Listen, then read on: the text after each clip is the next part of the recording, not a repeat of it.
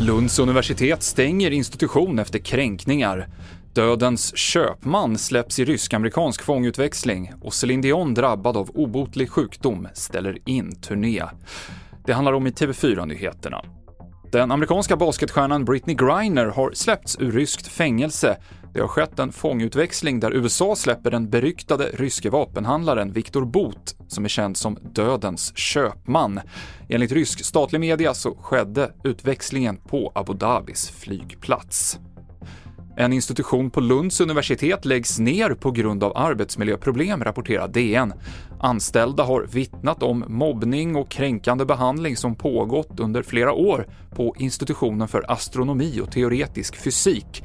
Nu så blir det en omorganisation där verksamheten fördelas på tre andra befintliga institutioner på universitetet. Världsartisten Céline Dion har drabbats av en ovanlig och obotlig neurologisk sjukdom, berättar hon själv i ett klipp på Instagram, där hon säger att hon på senare tid har drabbats av muskelspasmer orsakade av sjukdomen Stiff Person Syndrome, som gör att hon har svårt att gå och sjunga. Och Céline Dion ställer nu in sin Europaturné där en spelning i Sverige nästa år stod på schemat. Och efter att Börje Salming i augusti berättade att han drabbats av nervsjukdomen ALS, som senare tog hans liv, så har engagemanget för ALS-forskning varit stort, något som Hjärnfonden märkt av.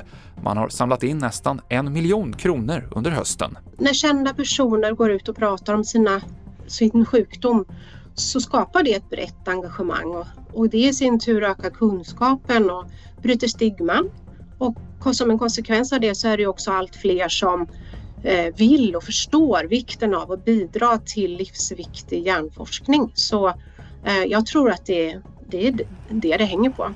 Det berättade Anna Hemlin som är generalsekreterare på Hjärnfonden. Du hittar fler nyheter på tv4.se. I studion Mikael Klintevall.